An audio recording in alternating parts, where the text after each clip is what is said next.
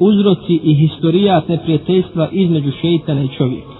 Neprijateljstvo između šeitana i čovjeka se proteže još od dana u kojem je Allah Đelešanuhu stvorio Adema a.s. prvog čovjeka, a prije nego je u njega udahnuo dušu. Kada je Allah Đelešanuhu udahnuo dušu Adema a.s. naredio je melekima, a zajedno s njima i blisu, da mu učine seždu. Svi su učinili osim Iblisa, la'natullahi alaih, on se uzoholio i odbio seždu učiniti. Iblisovo obrazloženje za odbijanje sežde je bilo Ene hajrum minhu halaktani min narin wa halaktahu min tin. Ja sam bolji od njega, mene si od vatre stvorio, a njega od ilovače odgovori.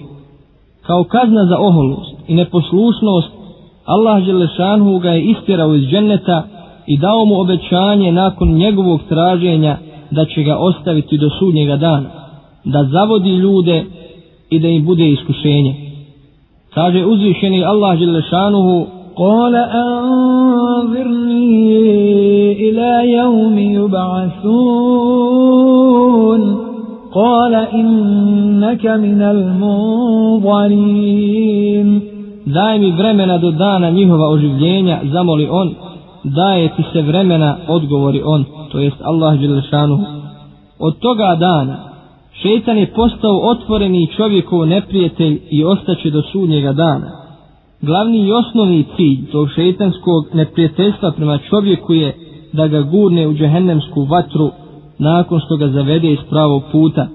Kaže uzvišeni Allah Đelešanuhu, إنما يدعو حزبه ليكونوا من أصحاب السعير On poziva pristaše svoje da budu stanovnici vatre. Pored toga što mu je glavni cilj da zavede čovjeka, šetan i na drugi način ispoljava svoje neprijateljstvo prema njemu.